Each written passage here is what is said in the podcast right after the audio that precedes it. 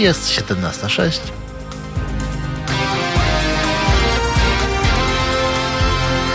Tu Halo Radio. Mówimy wszystko.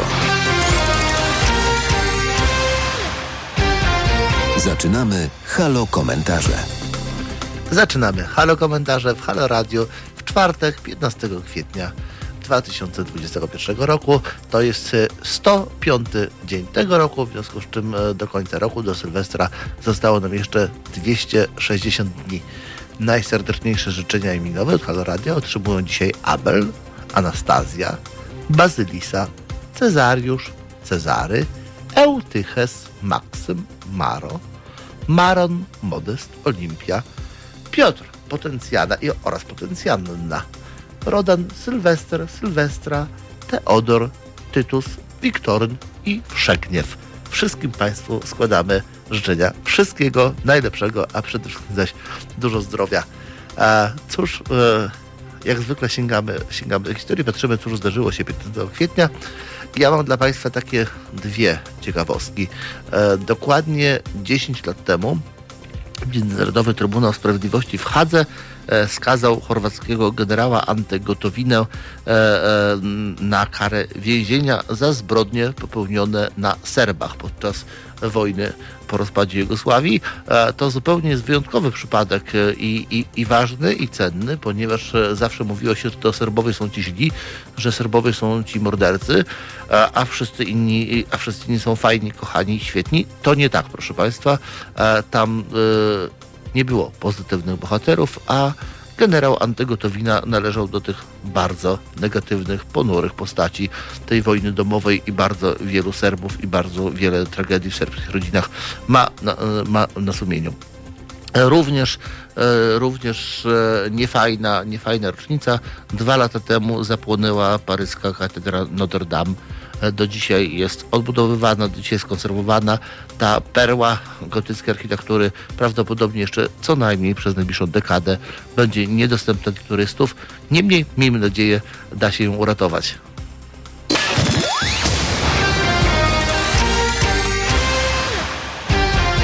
Słuchacie Halo Komentarzy. Słuchajcie, halo komentarzy. Tak jak mówiłem, w czwartek 15 kwietnia ja się nazywam Paweł Moskalewicz. Będę miał ogromną, niesamowitą przyjemność być z Państwem dzisiaj tradycyjnie do godziny 18.45. E, będzie w naszym programie, jak zawsze, dużo ciekawych, fantastycznych gości. E, już za chwilę, jak to zawsze w czwartek, spotkamy się tradycyjnie z Łukaszem Lipińskim, zastępcą redaktora naczelnego Rzeczypospolitej i szefem polityka.pl. E, nie Rzeczypospolitej, Jezus Maria, proszę mi wybaczyć. Oczywiście polityki. I, oraz szefem polityka, polityka.pl, a także z publicystką Katarzyną Kwiatkowską porozmawiamy o bieżącej sytuacji politycznej w Polsce, o zamieszaniu na prawicy, o szczepionkach, no, e, o Trybunale Konstytucyjnym, e, o zaskakującym, a może nie, wyroku Rzecznika Praw Obywatelskich. O tym samym też w następnej godzinie rozmawiać będę z Dariuszem Ćwiklakiem, e, wicenaczelnym Newsweek, Newsweek Polska, a ostatnie 15 minut to Anna Łobuszewska z dwutygodnika Forum, z którą porozmawiamy o sytuacji w Rosji, a tak naprawdę o tym, jak bardzo kotłuje się na Donbasie i czy grozi nam tam wojna. Bądźcie Państwo z nami. Halo Radio.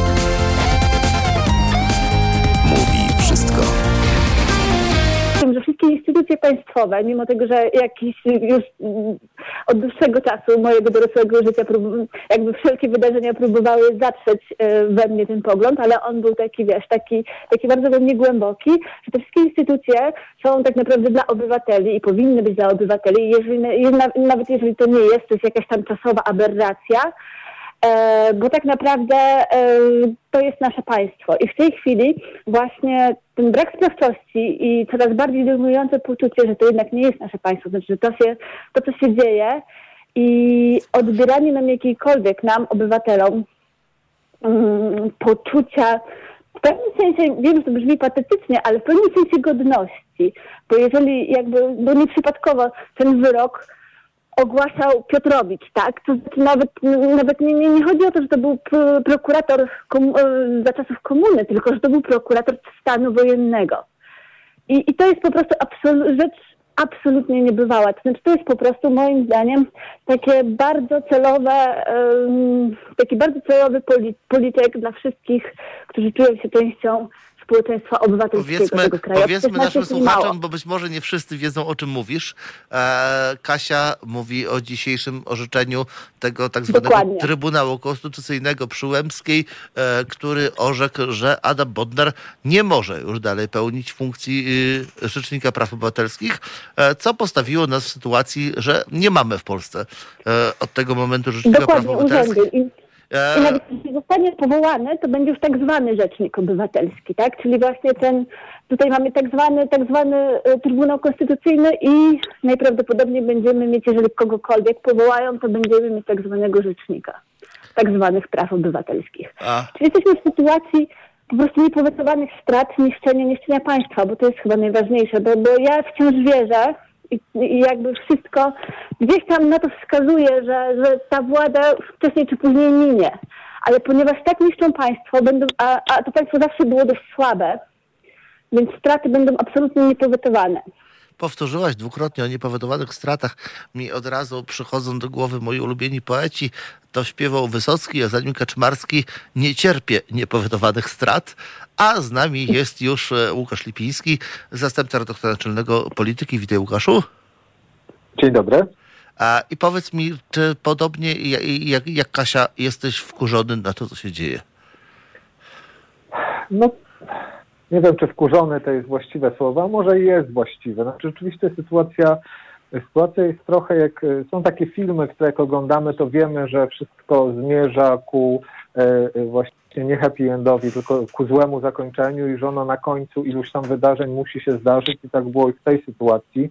E, jak już się ta rozprawa rozpoczęła, to już wiadomo było, w którą stronę to zmierza i, e, e, i czym się to skończy. E, no, Tutaj w zasadzie trudno jest y, o jakikolwiek no, taki bardziej, y, znaczy głębszy komentarz, no po prostu yy, nie siła argumentów, tylko argument siły się liczy po prostu.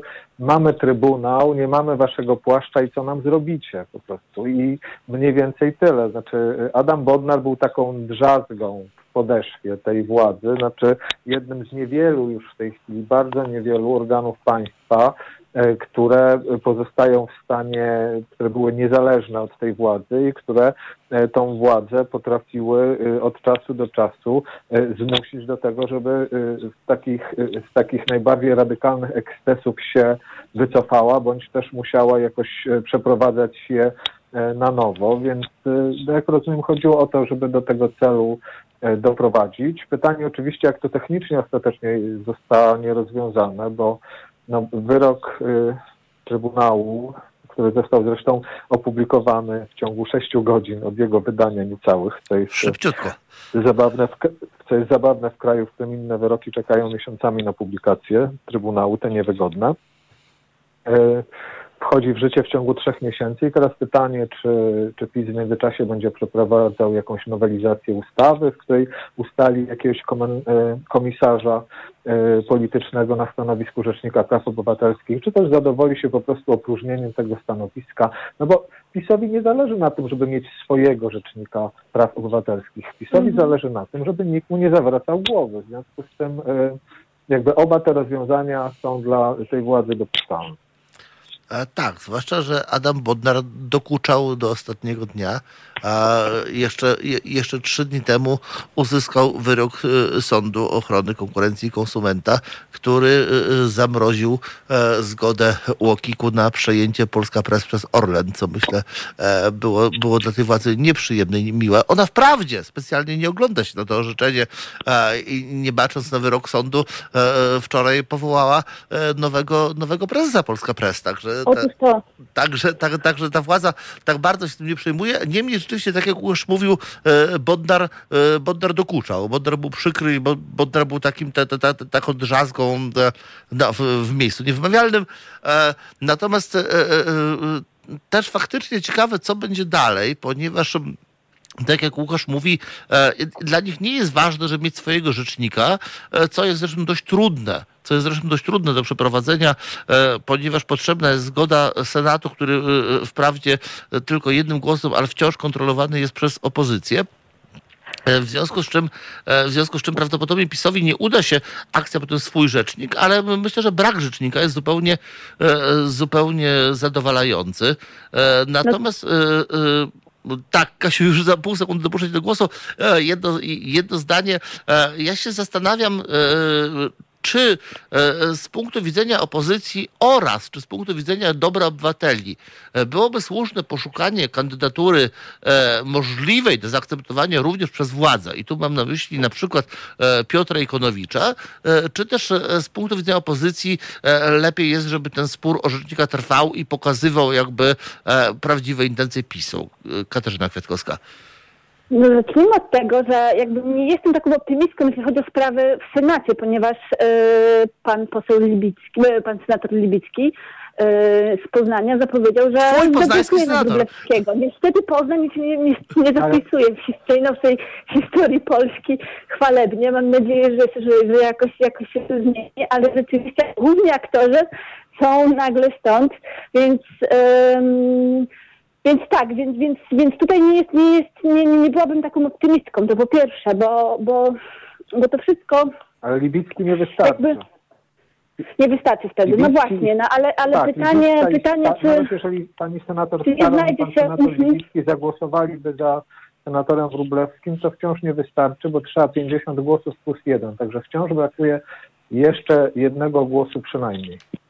Ale to też jakby pokazuje, że tak naprawdę te stare podziały partyjne są już przestają być o tyle ważne. To znaczy, że to nie jest jakby PiS kontra reszta świata, tylko jakby y, takie dosyć wsteczne, konserwatywne siły, które jak widać właśnie na tym, e, na tym sprzężeniu, na tym obre tego, co się dzieje między właśnie Wróblewskim a Libickim na przykład, który był jakby jedynym kandydatem od opozycji i nie było właściwie wyboru, żeby można było głosować na kandydata PiS albo na niego, a tak naprawdę nie było w ogóle różnicy.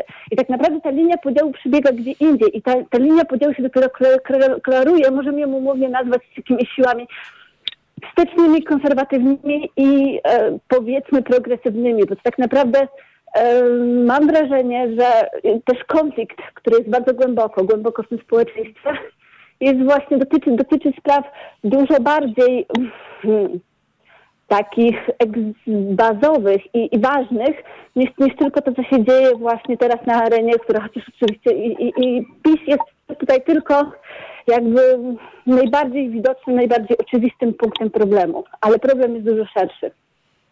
No dobra, a co z Ikonowiczem? Ja się tylko pozwolę nie mhm. zgodzić z tym, że znaczy, nie, nie, wydaje mi się, jeden senator libicki wiosny nie czyni i nie zmienia y, linii podziału. Chcę przypomnieć, że senator libicki był członkiem PiSu i był parlamentarzystą y, PiSu, więc, że tak powiem, y, za to no, koło, zresztą w zasadzie trójkąt, bo on już przeszedł przez trzy partie, prawda, bo był i w Platformie, no w PiSie i w, y, i w PSL-u, więc y, no Akurat w Ale to, Senacie to dokładnie typowy, mamy taką sytuację, w której prawicowego jest polityka. Reszta... Dobrze, tylko że y, nie można mówić, że to nie jest sytuacja PiS kontra reszta świata, bo w Senacie dokładnie mamy taką sytuację, że jest PiS kontra reszta świata, więc y, wydaje mi się, że politycznie jakby y, to nie jest takie proste, a na przykład, nie wiem, kandydatura wspomniana przez Pawła Moskalewicza kandydatura Ikanowicza, to ona jest e, progresywna?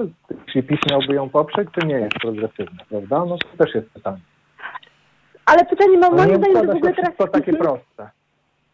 To nie jest oczywiście takie proste i moim zdaniem w ogóle dywagacje teraz na ten temat są e, powiedzmy bezpodstawne, ponieważ e, z tego, co też dochodzi do nas, wiemy, że pewne kanały nieformalnych kontaktów zostały przez PiS zablokowane, które zawsze funkcjonowały na zasadzie pewnego, pewnego właśnie dogadywania się poza powiedzmy oficjalnymi kanałami i, i, i teraz to wszystko ludzie z PiSu nie spotykają się z nikim, nie chcą słuchać y, głosów ani znaczy ani zbliżonej do nich, znaczy zbliżonych do nich nawet y, właśnie z, z Platformy Obywatelskiej, czy też właśnie z, z różnej prawicowej strony, ani też głosów lewicowej. W związku z czym moim zdaniem w ogóle jakby zastanawianie się tutaj pod stronie, po stronie PiSu nie ma absolutnie, nie widzę przynajmniej, woli jakiegokolwiek kompromisu, więc stawianie nawet chyba tego pytania, czy, czy, czy, jak, czy jakikolwiek kandydat, który byłby znosny zarówno dla opozycji, jak i dla władzy, był, jest możliwy, no moim zdaniem nie, ponieważ nie ma, nie ma tutaj z kim wieść dialogu, ponieważ strona rządząca uważa, że najwyraźniej, że liczą się fakty dokonane i że nie musi, nie musi się z nikim dogadywać. I to jest niebezpieczne. No dobra. Ale tak to wygląda. To zostawmy sprawę rzecznika. E, Z tego, co mówicie, wygląda, wygląda na to, że po prostu przez najbliższy czas e, nie będziemy mieli w Polsce e, żadnego rzecznika praw obywatelskich.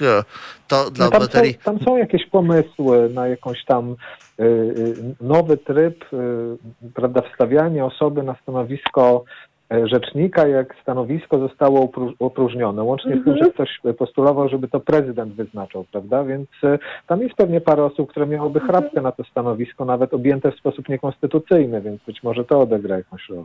Dokładnie. Ja sądzę, że tutaj osobiste ambicje również posła Wróblewskiego y, będą takie, żeby, żeby, żeby, nie wiem, był pełniącym obowiązki rzecznika.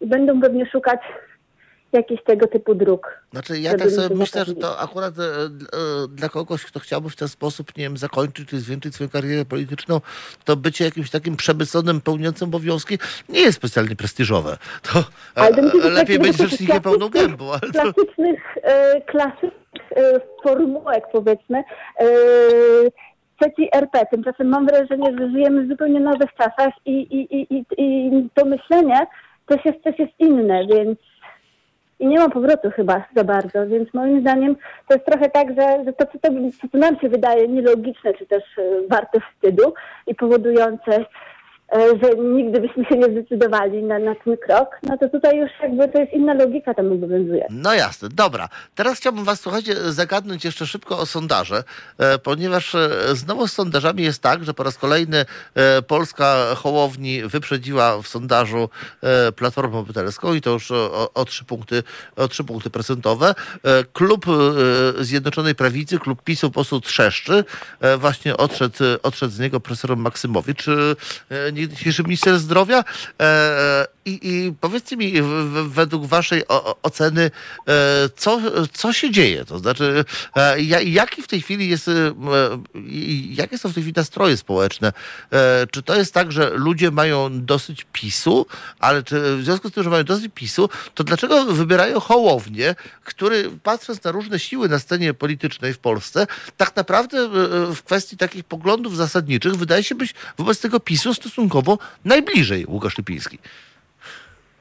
Znaczy no, e, ja jestem zdania, że sondaże są od kilku miesięcy niesłychanie stabilne. To znaczy sytuacja jest taka, że e, po pierwsze, czy trendy w sondażach, po pierwsze PiS stracił e, mniej więcej jedną trzecią, jedną trzecią wyborców jesienią po orzeczeniu Trybunału Przełęckiej w sprawie aborcji ci ludzie nie chcą do PiSu wrócić. To już widzimy, że PiS miał nadzieję, że się odbije, i z, ale z notowań na poziomie ponad 40, mniej więcej 42% wylądował na tym progu około 30, plus minus dwa punkty, e, dwa punkty procentowe. e, To jest jednym z głównych powodów tej nerwowości w obozie władzy, bo oni sobie zdają sprawę z tego, że jeśli się nie odbiją, to nie mają szans nie tylko na samodzielną władzę, ale też na jakąkolwiek koalicję przy y, następnych wyborach, kiedykolwiek się one odbędą. Po drugie, jeśli chodzi o, y, o to, co się dokonało na opozycji, to rzeczywiście chyba mamy do czynienia z sytuacją, w której y, Szymon Hołownia w większości sondaży w tej chwili już od kilku tygodni prowadzi nad koalicją obywatelską. Czyli ta zmiana na czas obecny się dokonała. Czy ona jest trwała, czy nie? No, nikt nie ma takiego mądrego, który jest w stanie to powiedzieć. E, e, e, Po stronie Platformy jest takie mówienie, no Petru też kiedyś nas wyprzedził, ale potem e, gdzie on, prawda, teraz jest? Ale być może to jest e, też takie łudzenie się. Natomiast jeśli chodzi o sukces Hołowni, taka jakby jego po- podstawowa cecha jest dosyć prosta do wytłumaczenia, to znaczy, że ludzie generalnie mają dosyć tego, co już było. E, I Mhm. potrzebują czegoś nowego i nawet nie do końca wiedzą, czego chcą, co pokazuje e, nasz sondaż, e, takie powtórzenie wyborów prezydenckich, w których się okazało, że gdyby wybory prezydenckie się odbyły w pierwszej turze z tymi samymi kandydatami, e, to Szymon Hołownia miałby 15% poparcia, tak? czyli o kilkanaście punktów procentowych mniej niż wychodzi, że, ma, że miał poparcie w tym samym sondażu, bo w tym samym sondażu jego ugrupowanie miało akurat 20, e, 27 bodajże tych procent. Więc to pokazuje, że ludzie nawet jak nie do końca, y, nie do końca ten Hołownia im odpowiada, no to odpowiada im to, że to jest coś nowego.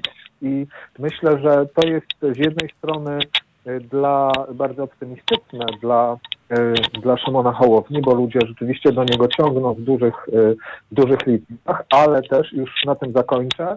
E, problem polega na tym, że on przestanie za chwilę być czymś nowym, no bo nowym się jest na początku. W związku z tym on musi znaleźć jakiś sposób na to, żeby tych ludzi ze sobą związać na dłużej. I to w tej chwili będzie kluczowe dla partii Hołowni, jak pozyskać, jak utrzymać tych wyborców, których zdobyli samym takim pazłotką nowości. A im się uda, to jeszcze, jeszcze dużo przed nami. I zanim poproszę Kasię o komentarz, e, e, minuta przerwy i wracamy do rozmowy.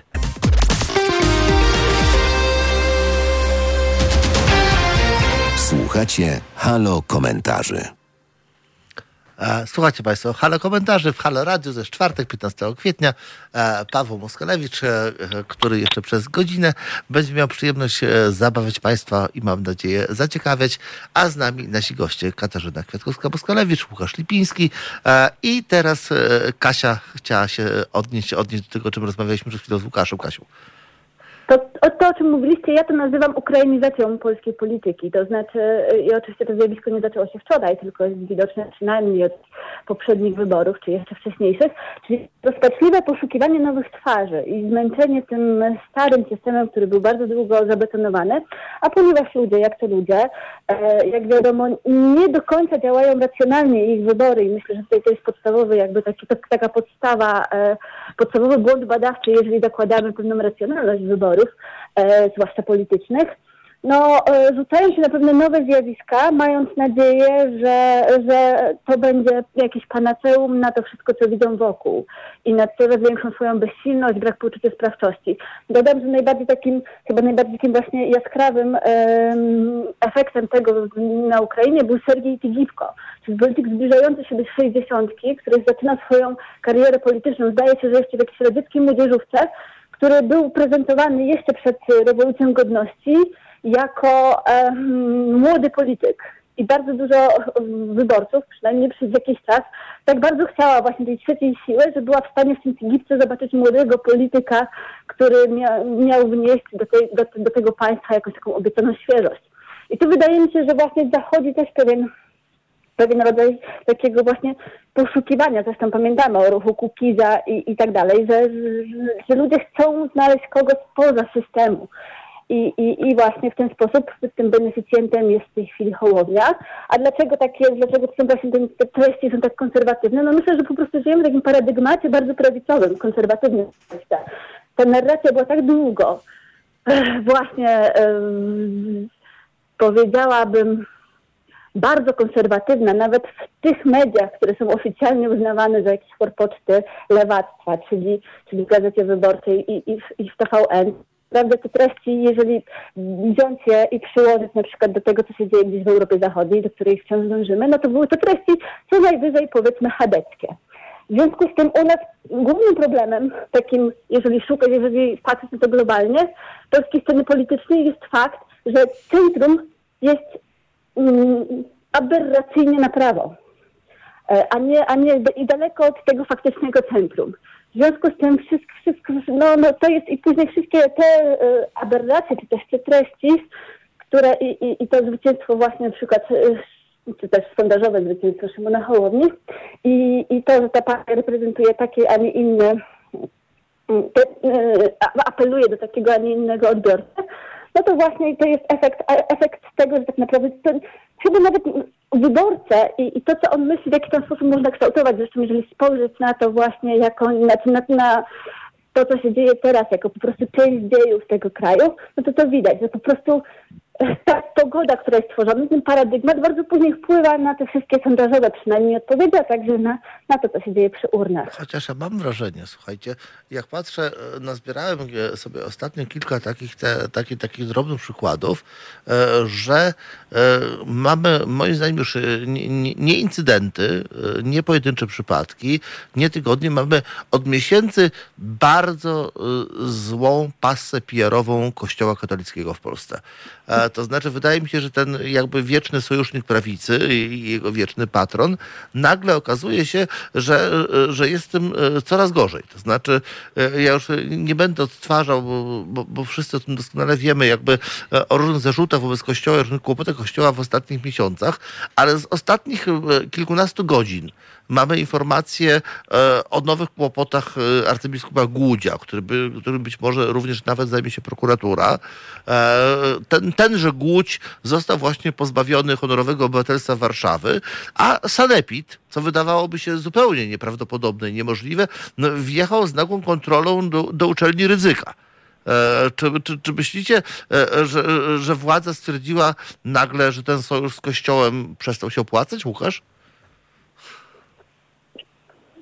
No chyba nie, znaczy nie sądzę. Jednak sojusz z Kościołem jest jednym, jednym z takich fundamentów poparcia PiSu, a w każdym razie fundamentów takiej, e, e, no, no takiej utrzymania tej, tej skrajnej, tej najbardziej hardkorowej, e, hardkorowej części, części wyborców. Więc tego akurat, tego akurat bym się nie spodziewał, zerwania takiego sojuszu. Jarosław Kaczyński nie jest specjalnym sam siebie nie jest specjalnym e, fanem obecności Kościoła katolickiego bezpośrednio w polityce, ale tutaj, że tam uznał realia, po prostu stwierdził, że to mu się po prostu opłaca i traktuje to e, w pełni instrumentalnie ten sojusz i myślę, że dopóki on mu służy, a cały czas mu służy, e, z tego, z tego sojuszu się nie wykręci. Jeśli chodzi o jeśli chodzi natomiast, e, chętnie bym się odniósł, bo się w pełni zgadzam z tym, że polska scena polityczna jest e, rzeczywiście przesunięta na prawo, tak gdzieś mniej więcej o dwa takty w stosunku do, do, do sceny, scen politycznych innych krajów, szczególnie, szczególnie zachodnioeuropejskich, co sprawia, że mamy różne paradoksy. Jeden z nich, który jest chyba najciekawszy, że wśród osób, które definiują się jako osoby o lewicowych poglądach, bądź też centrolewicowych łącznie, e, Hołownia jest drugim co do popularności ugrupowaniem. Także on próbuje przy tej przesuniętej polskiej scenie grać rolę takiego e, liberalno-konserwatywnego socjalisty, że, że przypomnę ten termin. A co zresztą, co jest bardzo ciekawe i co strasznie denerwuje E, polityków lewicy, to e, e, Hołownia jest drugi, ale pierwsza wcale nie jest lewica, tylko pierwsza jest Platforma Obywatelska, czy też Koalicja Obywatelska, więc wśród lewicowych wyborców lewica znajduje się na trzecim miejscu, choć ta polska lewica, porównując ją z lewicami innych krajów, też nie jest znowu taka taka strasznie mm -hmm. lewicowa, więc rzeczywiście... Bo mi się wydaje, że to, to jest także scena... kwestia tego, że elektorat polskiej lewicy e, to nie są ci najbardziej że upośledzeni społecznie, tylko że to jest raczej w znacznej mierze to mogą być wielkomiejscy intelektualiści, e, którzy, e, którzy oczekują czegoś innego od lewicy niż ona chce im zaproponować. Nie, nie wiem, czy macie podobną intuicję. Znaczy lewica przede wszystkim nie jest w stanie odwołać się do swojego tradycyjnego elektoratu, czyli do tych grup realnie upośledzonych. I te grupy realnie upośledzone zostały przejęte zresztą nie tylko w Polsce, ale widzimy, co się dzieje na przykład w krajach anglosaskich, czy, e, czy też no, w innych krajach europejskich, prawda? Wielka Brytania, e, czyli te, te wszystkie ruchy anty, antybrexitowe konserwatyści, Trump w Stanach, Marine Le Pen, Salvini i tak dalej. Znaczy tradycyjny elektorat lewicy został pochwycony dzięki takim kwestiom tożsamościowym i godnościowym de facto przez populistyczną prawicę i dopóki lewica się z tym nie będzie w stanie zmierzyć, dopóty zawsze będzie skazana na taką minimalną wegetację. Kasia? Poza tym tak, poza tym ja oczywiście zgadzam się tutaj z Łukaszem, tylko że jeszcze chciałabym wnieść takie e, może dwie uwagi, że po pierwsze rzeczywiście lewica stała się jakby cieniem własnej siebie, również na, na własne, na, na, jakby lewica w Polsce się wykastrowała, mówiąc brutalnie, sama siebie, uważając, że jeżeli będzie właśnie i taka miła i taka jakby nie wadzić nikomu i nie będzie mówiła o najróżniejszych przykrych sprawach, tak jak, nie wiem, progresywne, rzeczywiście progresywne podatki i tak dalej, to, to po prostu lewica chciała się w pewnym momencie podobać wszystkim, tak jak, tak jak właściwie e, wszystkie takie bezideowe ruchy e, centrowe, jak, nie wiem, Platforma Obywatelska. No i to oczywiście lewica zgubiło. I z drugiej strony oczywiście to można mieć, oczywiście mówić przysłowiowe, że to jest wina lewicy, bo to już jest oczywiście hashtag, czy tam wina razem, ale, ale to też jakby wynikało właśnie z narracji narzuconej w pewnym sensie takiej bardzo antylewicowej, która też funkcjonowała w, właściwie przez, przez te przynajmniej najbliższe kilkanaście lat, od lat zerowych i pamiętam taki jeszcze w Stanach Zjednoczonych, e, chodził taki mem, gdzie próbowano wytłumaczyć ludziom, czym jest socjalizm. I tam pokazywano, pokazywano zdjęcie Detroit, i to był kapitalizm, i, i, i zdjęcie, zdjęcie nie Sztokholmu. I, i, I w taki sposób, taki właśnie jakby bardzo, bardzo bazowy, chciano Amerykanów, którzy się słowa socjalizm bali jak diabeł święconej wody, e, no, nastawić czy otworzyć na nowe pojęcia. I tutaj w Polsce jakby trochę, oczywiście nie do tego stopnia jak w Stanach Zjednoczonych, ale oczywiście właśnie od e,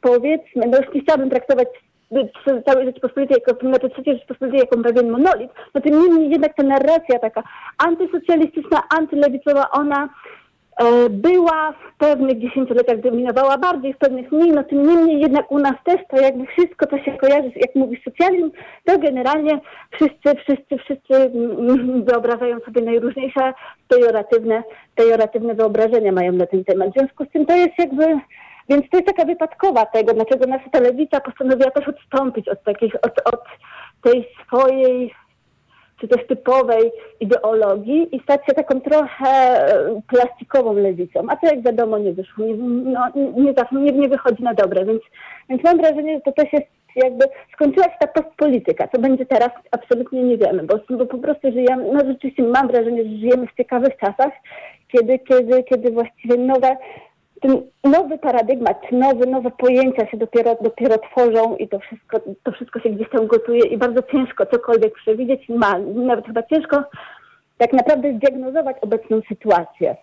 Dobrze. Nie mówiąc już właśnie o jakichkolwiek drużeniu, próbie drużenia. Zostawiając, zostawiając lewicę, mam do Was ostatnie pytanie na zakończenie naszego spotkania, e, bo to też myślę e, bardzo wielu Polaków interesuje, ponieważ wszyscy e, w dalszym ciągu żyjemy epidemią, żyjemy szczepionkami. Miasta, duże miasta rządzone z reguły przez opozycyjnych prezydentów, przez opozycyjne koalicje potworzyły całą masę punktów powszechnego szczepienia, a rząd powiedział, a nie, no Warszawa 13 punktów, na razie odpalimy jeden. E, jak myślicie, czy to Trzaskowski złośliwie na rządowi, żeby pokazać, jak bardzo nie chce szczepić, założył 13 punktów, e, czy też e, rząd z jakiegoś powodu, żeby Trzaskowskiemu się za bardzo nie udało, postanowił odpalić tylko jeden punkt w stolicy, czy może w tej całej zabawie prawda jest jeszcze gdzieś zupełnie indziej? Łukasz. Znaczy, no tutaj jednak mimo wszystko znaczy PiS chociażby przy rozdzielaniu środków e, inwestycyjnych e, dla gmin pokazał, że on przede wszystkim daje swoim. To samo jest z tym programem. Znaczy, jeżeli wychodzi minister Dworczyk i mówi, że w każdym powiecie będzie po jednym punkcie masowego szczepień, to przy, przypomnę mu tylko, że e, powiat, są w Polsce powiaty, najmniejszy powiat sejmeński liczy sobie 20 tysięcy dusz, a powiat warszawski liczy sobie 2 miliony prawie, prawda? Więc to jest różnica stukrotna. Więc teraz stworzenie tej samej liczby punktów w powiecie sejmeńskim w Warszawie, no wydaje mi się no, absurdalne i rzeczywiście nakierowane na to, żeby po prostu lepiej pokryć prowincję tam, gdzie PiS ma swoich wyborców, a przy okazji przyciąć, przyciąć trochę opozycyjne samorządy rządzone przez Platformę. Więc tutaj nam się niestety polityka miesza do rzeczy, która powinna być absolutnie apolityczna. Kasia? Katarzyna Kwiatkowska? Kasiu, czy słyszymy się? Nie słyszymy się, straciliśmy połączenie z Katarzyną Kwiatkowską, ale też i końca dobiegł czas e, naszego spotkania. Bardzo dziękuję. Naszymi gośćmi w pierwszej godzinie Halo Komentarze byli Katarzyna Kwiatkowska-Moskorewicz, publicystka oraz Łukasz Lipiński, zastępca redaktora naczelnego polityki. E, bardzo Wam dziękuję za rozmowę, za, za komentarze, a Państwo proszę zostańcie z nami, bo program trwa dalej.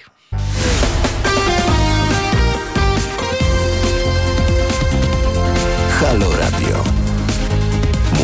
wszystko. To jest, proszę Państwa, 17.50 w Halo Radio w czwartek, 15 kwietnia. E, właśnie dobiega końca pierwsza godzina naszego komentarzowego spotkania. E, gawędziliśmy przez tą ostatnią godzinę z Łukaszem Lipińskim z Polityki i Kasią Kwiatkowską, publicystką. E, o radę rozmawialiśmy chyba o wszystkim.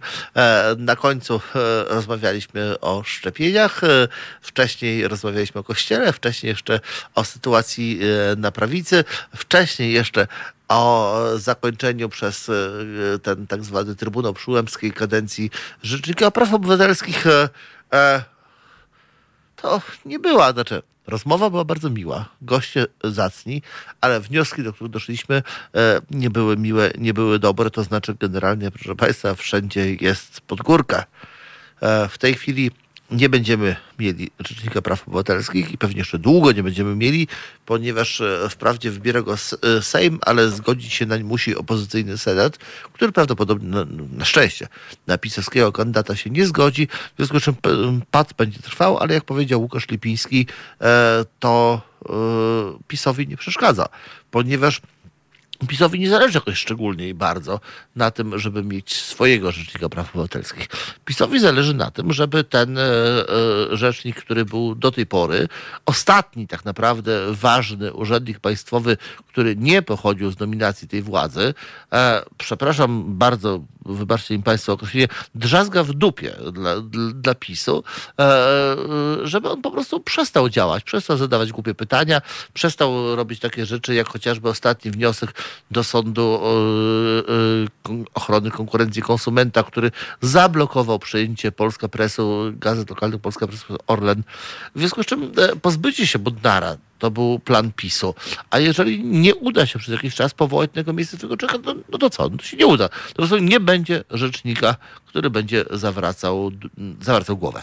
E, E, e, cóż więcej, rozmawialiśmy też, rozmawialiśmy też o, o pęknięciach w Zjednoczonej Prawicy.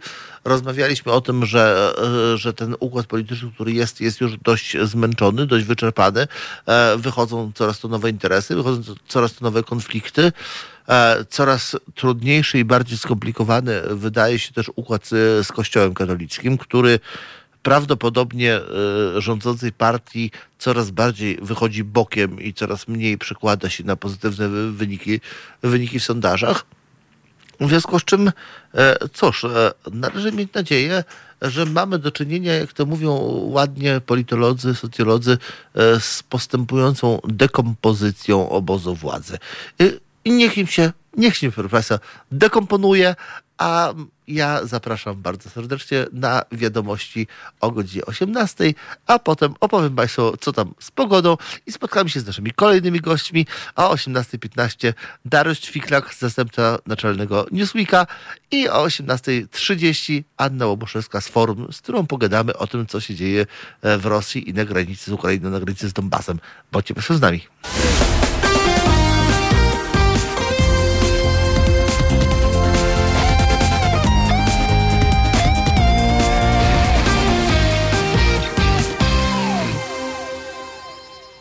I to są Halo komentarze w Halo Radio.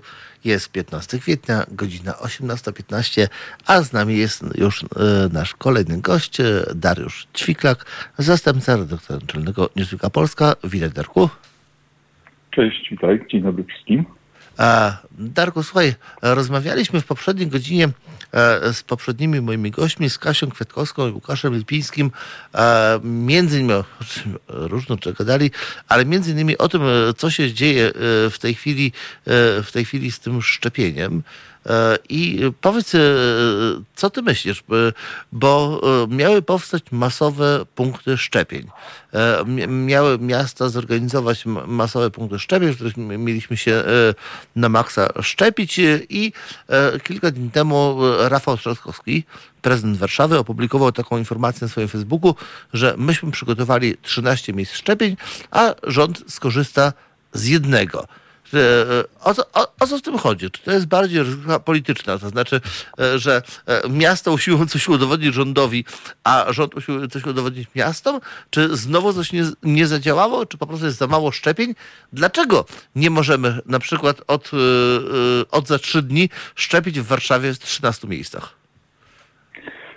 Wiesz, tego, co stoi, jaka, jaka, jaka motywacja za tym stoi, to, to naprawdę nie wiem, bo jest to jeden z najbardziej absurdalnych konfliktów, jaki można sobie wyobrazić. W momencie, gdy mamy e, no, spadający ten odsetek, w porównaniu oczywiście do innych krajów, spadający odsetek szczepień. Trochę się to ruszyło w ostatnich dniach, ale też nie żeby jakoś, jakoś drastycznie. Znaczy zaczynamy odstawać. E, o ile na początku rzeczywiście to, to, to szło całkiem nieźle, jak na, jak na te ograniczone dostawy szczepionek, to w momencie, gdy mniej więcej od e, kilku tygodni, prawie od miesiąca mamy e, dużo większe dostawy szczepionek niż do tej pory, to, to nagle ten system się e, zatkał. Po prostu jest niewydolny, źle zaplanowany. E, I y, jeszcze, jeszcze kilka tygodni temu y, cały czas nas panowie Dworczyk, y, Morawiecki przekonywali, że zła Unia nie przysłała szczepionek. No, naprawdę już trudno zwalać w tej chwili na złą Unię, że nie przysłała szczepionek, bo o ile na sam, samego Pfizera, to jest najpopularniejsza w tej chwili szczepionka, e, przychodziło na początku tygodniowo około 340 tysięcy dawek. To w tej chwili dostaje prawie 900. Chwili, tak. Tak, prawie 900 tygodniowo, a do tego jeszcze e, co dwa tygodnie przychodzi tam około 300 tysięcy e, sztuk Moderny, e, teraz się pojawiła ta szczepionka Johnsona, AstraZeneca w jakimś tam mniejszym, bo oni mają no, jakieś, jakieś większe problemy z tymi dostawami. W każdym razie tych szczepionek tydzień w tydzień przychodzi ponad milion.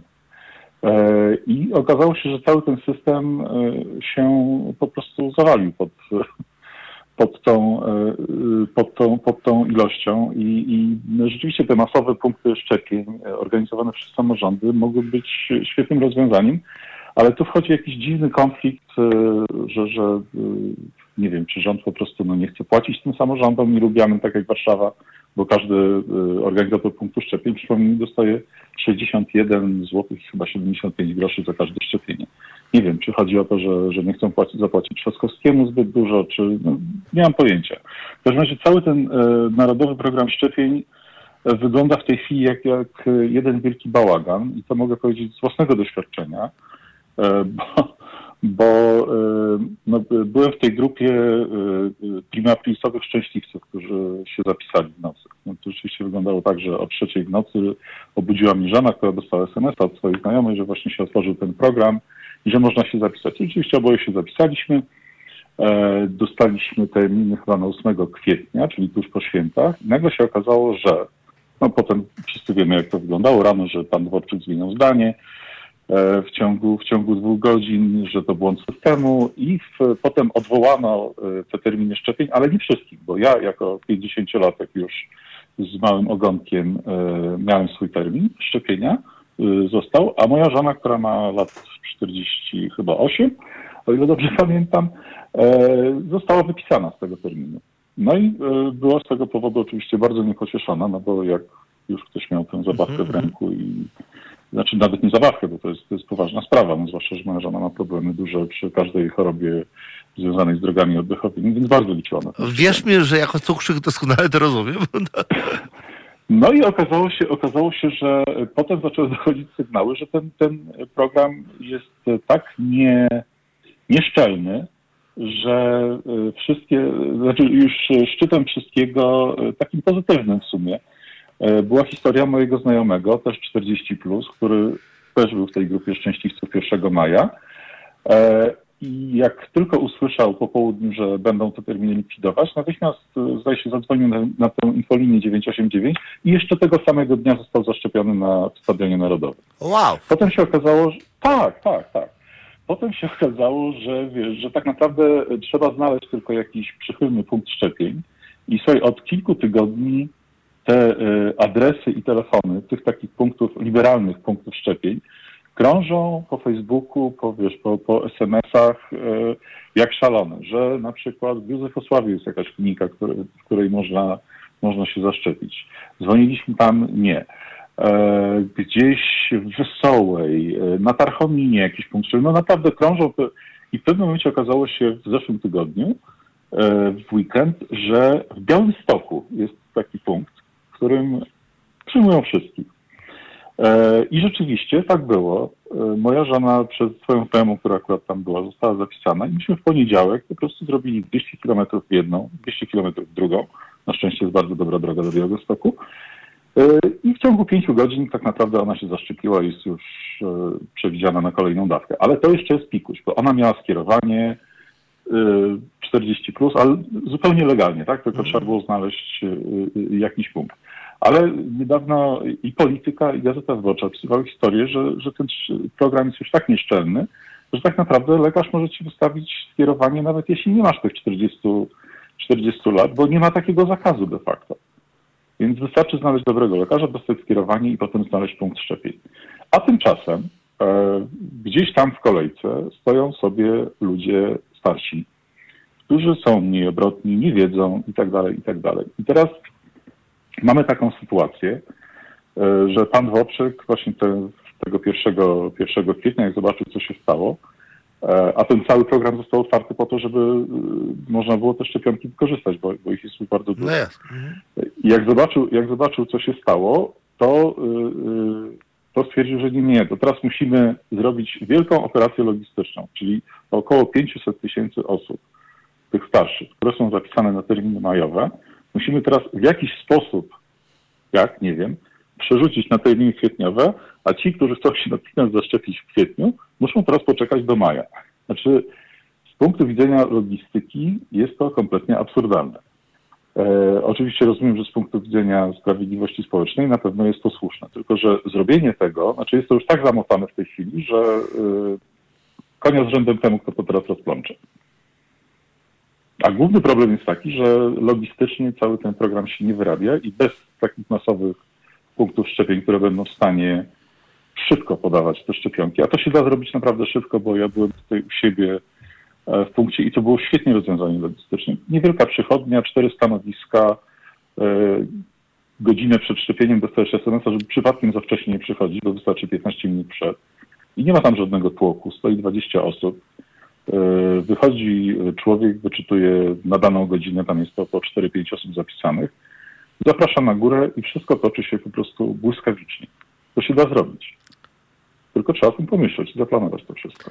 A nie, to powiedzmy naszym słuchaczom, czyli ile taka operacja trwa? Nie wiem, jak przychodzisz się zaszczepić, kwadrans? Pół godziny?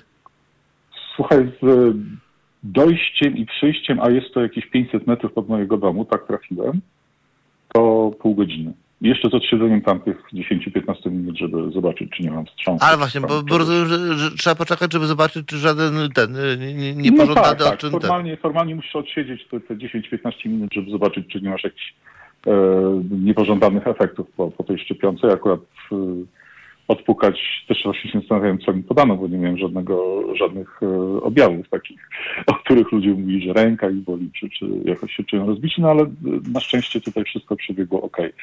E, ale naprawdę to trwa błyskawicznie. No samo wejście to, to, to jest już tak zautomatyzowane, że mierzy sobie sam temperaturę, jest taki, taki zdalny termometr, dostaje karteczkę z terminem drugiego szczepienia. Miałem już na szczęście wypełnioną ankietę, więc od razu podszedłem do lekarza. Zanim oddałem tę ankietę i, i właściwie odpowiedziałem na dwa pytania, to już miałem wbitą igłę i wysłano mnie na krzesełko. Także działa, znaczy naprawdę da się to zrobić błyskawicznie. Mm. Tylko no, trzeba, trzeba dobrej organizacji. I, y, wszystko, wszystko w tym Narodowym Programie Szczepień wydaje mi się jest trochę spóźnione, bo tak, skoro wiedziano już od ładnych paru tygodni, że te dostawy szczepionek będą się zwiększać, bo to można było przewidzieć, dlatego że sam Pfizer rozpoczął współpracę już na początku roku z kilkoma konkurencyjnymi firmami, e, żeby produkować te szczepionki w kilku miejscach w Europie i to wiadomo było, że, że produkcja będzie zwiększona. Więc można było ten, e, znaczy przewidzieć, że, że, że nagle tych szczepionek będzie więcej i żebyśmy mieli więcej tych punktów. Ale okej, okay, zaczęto to organizować teraz. Nie wiem, czy słyszałeś, jest też taki pomysł, żeby zakłady pracy szczepiły tak swoich ludzi. Rząd będzie dostarczał szczepionki, zakłady pracy zorganizują sobie punkty szczepień, no, żeby to wszystko, znaczy od samego początku e, e, to, to wszyscy specjaliści od zarządzania powtarzali, że gdyby ten program organizować od dołu, czyli samorządy, zakłady pracy i tak dalej, i tak dalej, a nie centralnie, że my sobie tam wyznaczamy punkty szczepień i jakoś tam je oddzielamy porówno szczepionkami, to to by o wiele lepiej szło, bo na dole te organizacje dużo lepiej wiedzą, ile, ile mają osób do wyszczepienia, w jakim wieku i tak dalej, i tak dalej. No ale pomijmy to. Jest pomysł, żeby też zakłady pracy się w to włączyły, tylko że z tego, co słyszałem wczoraj e, prezesa Lewiatana Macieja Wityczkiego, to to wszystko jest w jakichś powijakach. Oni dopiero w tej chwili rozmawiają z rządem, na, na jakich to miało być zasadach i minister Dworczyk zapowiedział, że pilotażowy program e, takich szczepień w zakładach pracy ma powstać gdzieś na przełomie maja i czerwca. No to moim zdaniem to będzie już wiele za późno, bo do, do maja i czerwca to da Bóg e, zaszczepimy już jakąś dużą część ludzi, mam nadzieję, jeśli powstaną te masowe punkty. I wtedy te, te, te szczepienia w zakładach pracy to właściwie nikomu się nie będą opłacały, no bo to, to jest trochę skórka za wyprawkę. Także no, jest tu ileś takich błędów yy, wynikających trochę z braku, z braku chyba przewidywania, braku wyobraźni.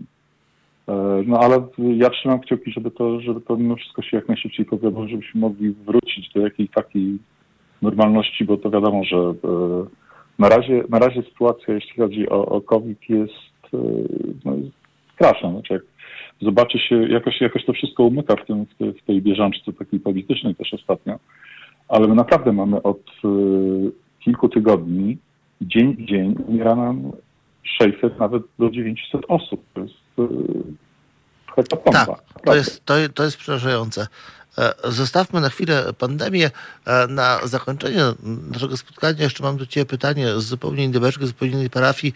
Obserwujemy od kilku dni postępowanie przed Trybunałem Konstytucyjnym, gdzie ów e, quasi Trybunał Przyłębski ma orzec, czy Rzecznik Praw Obywatelskich może pełnić swoją funkcję do czasu powołania nowego, nowego rzecznika. Zanim doszło do dzisiejszego orzeczenia, to mogliśmy z pewnym, nie wiem, rozbawieniem, zażenowaniem obserwować takie sceny, jak pani magister Przyłębska e, e, przemawia, przemawia do rzecznika Bodnara, e, żeby zechciał e, mówić e, do niej i do kolegów w Wysokim Trybunale, bo przecież do pana Rzeplińskiego też pan mówił w Wysokim Trybunale. E, no ale to do, do pewnego stopnia było śmieszne i żałosne. Dzisiaj, dzisiaj, dzisiaj już stało się również chyba groźne, kiedy powiedzieli, że e, rzecznik nie może pełnić dalej swojej, dalej swojej funkcji. E, co ty myślisz o tym? No to jest e, straszliwie smutny dzień, jeśli chodzi o naszą coraz bardziej kulejącą demokrację, dlatego że e, nie wiem, czy byłeś kiedyś na stronie Rzecznika Praw Obywatelskich, sobie tak z ciekawości wszedłem dzisiaj. Byłem, tak. E, tak, i poczytałem sobie, tam jest takie jedno, jedno ważne zdanie. E, w dziale Historia Ombudsmana, czyli Rzecznika Praw Obywatelskich.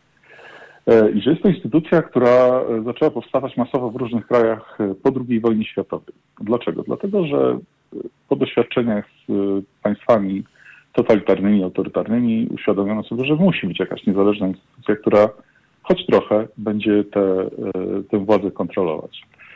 E, jak wiadomo, w takiej prawidłowo działającej demokracji mamy władzę wykonawczą, ustawodawczą, sądowniczą, która do pewnego stopnia stara się kontrolować poczynania tej władzy. Jeśli ktoś ma problem, idzie do sądu niezależnego e, i, i, i, e, i jeśli ma rację, to, to walczy o swoje.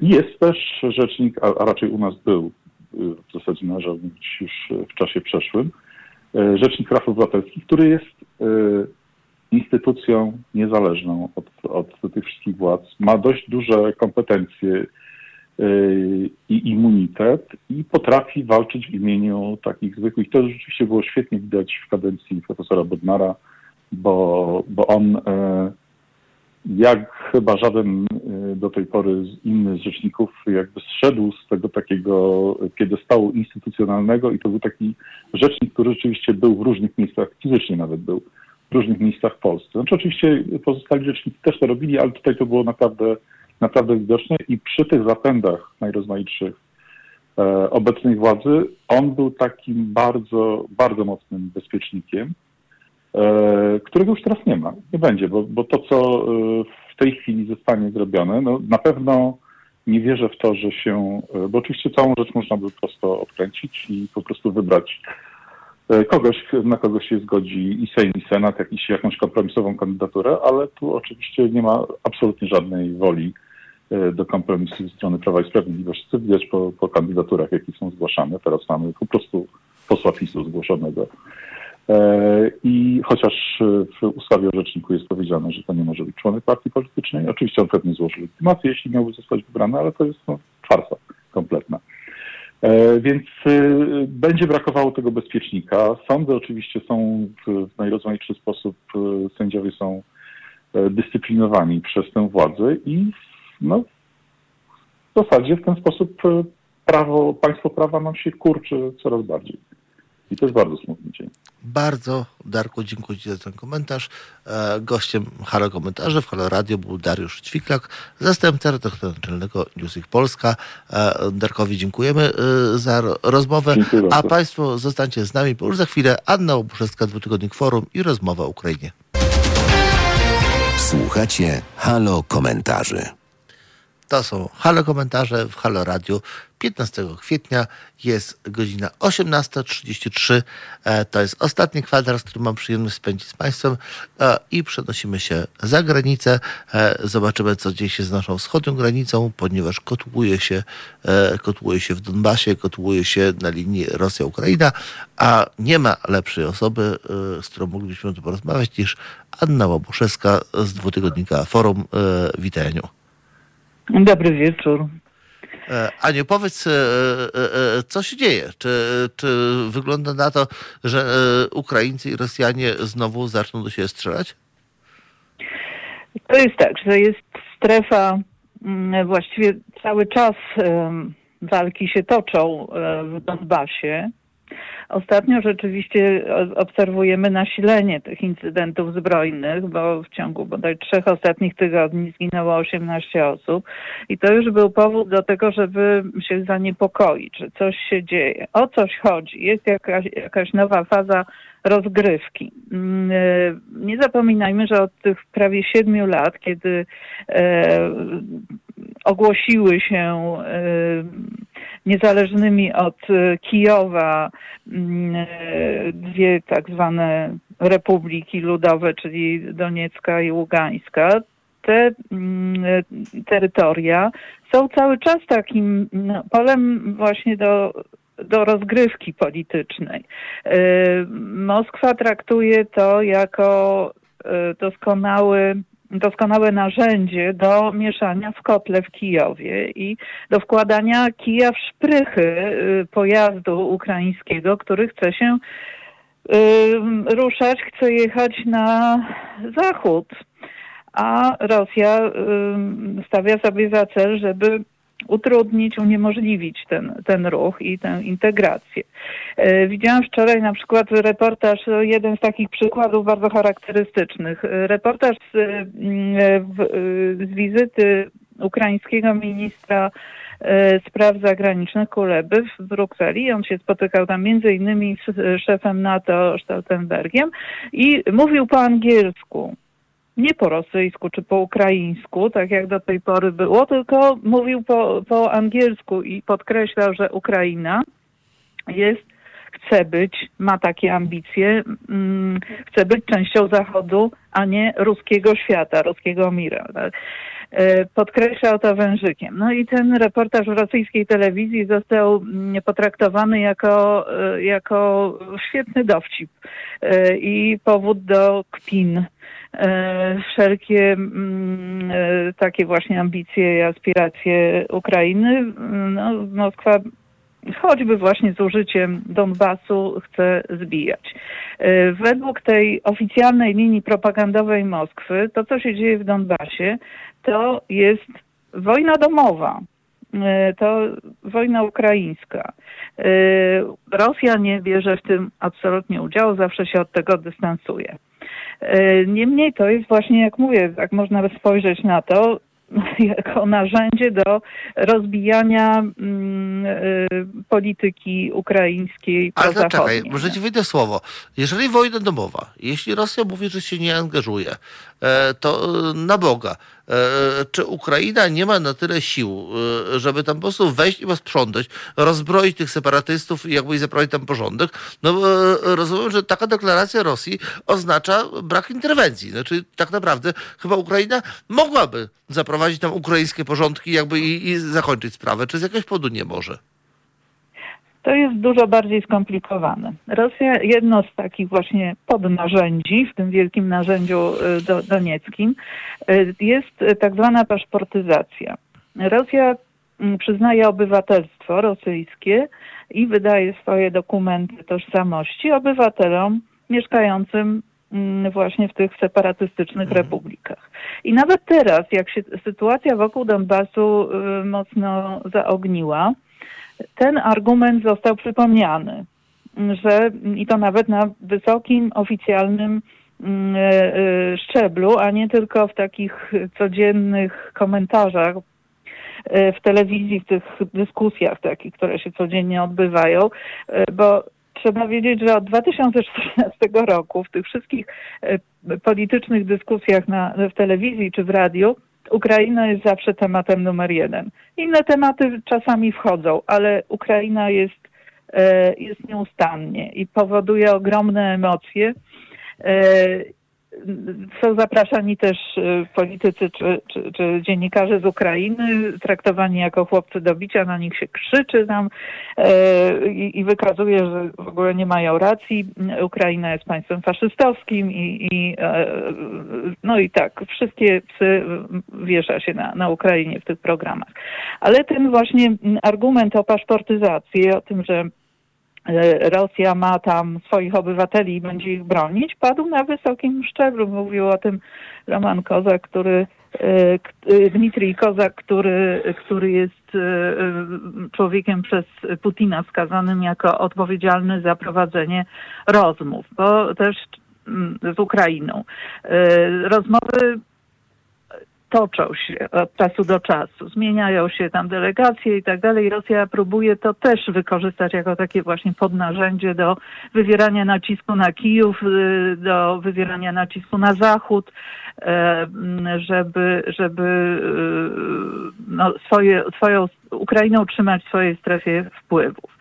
Y, dlaczego się też jeszcze zaogniło? Bo trzeba popatrzeć na to, jakie ruchy wykonała też ostatnio Ukraina. Ale no właśnie, chociaż moim zdaniem to chyba nie jest taka zupełnie zero sytuacja, że tylko Rosja jakby tu jest jakby winnym prowokatorem. To...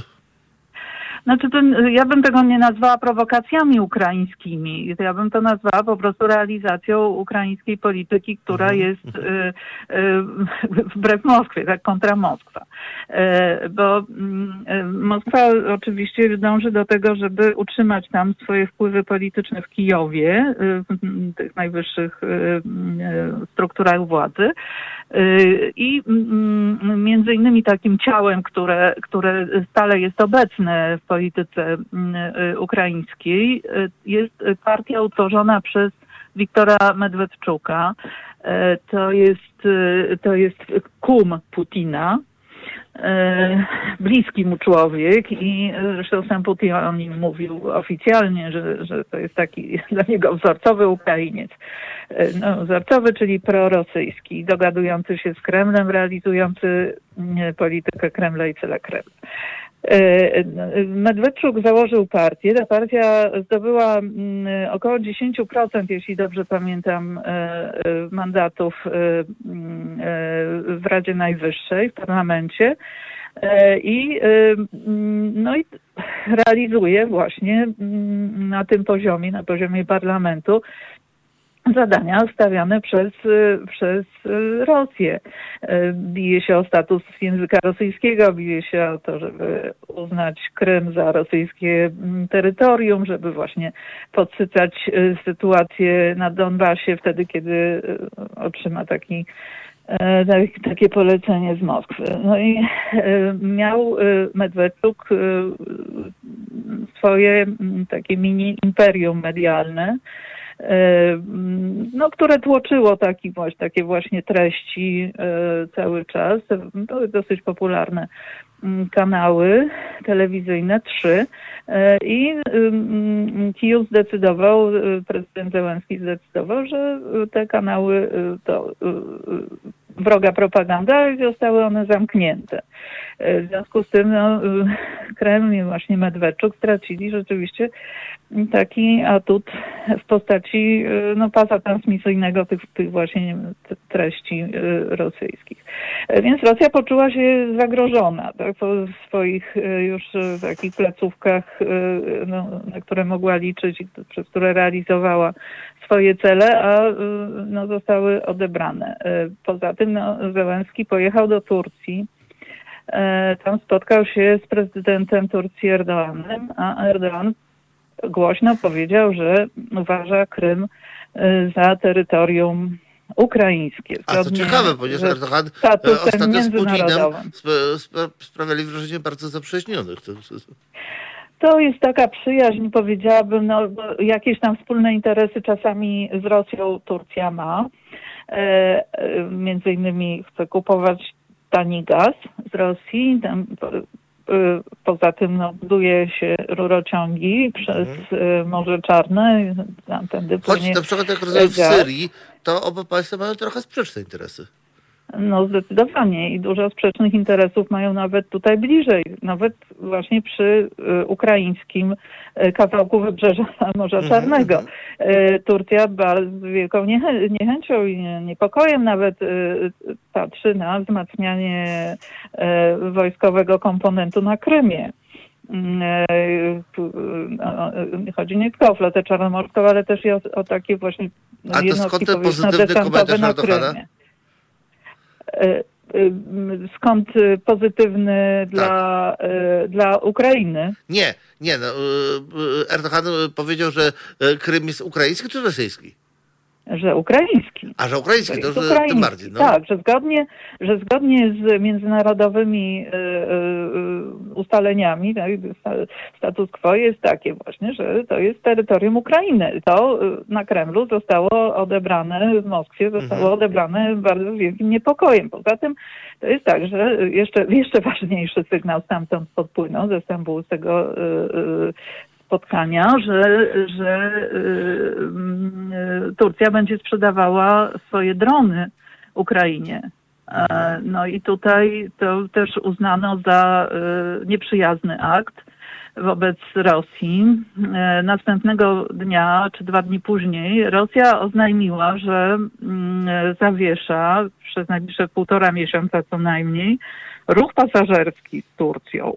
No to jest bardzo poważna mhm. sprawa, bo rosyjscy turyści właściwie w tej chwili y, no, są jedynymi, którzy w dużej takiej masie y, jadą do Turcji odpoczywać nad Morzem Śródziemnym. No i y, wycofanie E, rosyjskich turystów no jest wielkim uderzeniem i tak już yy, no wiadomo, dla, dla tureckiej która, gospodarki która ucierpiała. I, i, i dla tureckiej, tureckiej branży turystycznej. Aniu, przepraszam, że ci wejdę w słowo, ale zegar jest nieubłagany.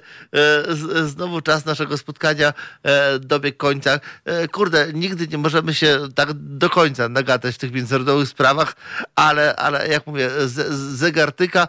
E, gościem e, Halo Komentarzy w Halo Radiu była Anna Obuszewska z dwutygodnika Forum. Bardzo dziękujemy za ten komentarz. Ja też Państwu bardzo dziękuję za nasze dzisiejsze spotkanie. Paweł Muskalewicz będę miał przyjemność spotkać z Państwem w kolejny czwartek, znowuż o 17. Zapraszam. Słuchajcie Państwo Halo Radia. Do usłyszenia. To były Halo Komentarze. Na kolejny program zapraszamy jutro o godzinie 17.